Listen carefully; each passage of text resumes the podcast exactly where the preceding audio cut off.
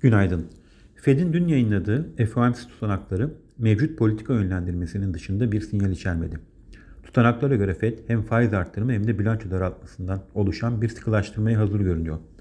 Amerika'nın önemli ekonomik aktivite göstergelerinden perakende satışlar Ocak ayında %2 civarındaki piyasa beklentisine karşılık aylık bazda %3.8 artış gösterdi.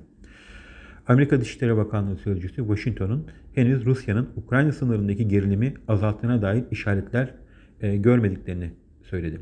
İran Dışişleri Bakan Yardımcısı ve baş müzakereci ise Viyana'da devam eden nükleer görüşmelerde nihai anlaşmaya her zamankinden daha yakın olduklarını belirtti.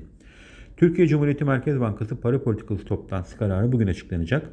E, bugün Borsa İstanbul'un hafif alıcılı başlamasını öngörüyoruz. İyi günler, bereketli kazançlar.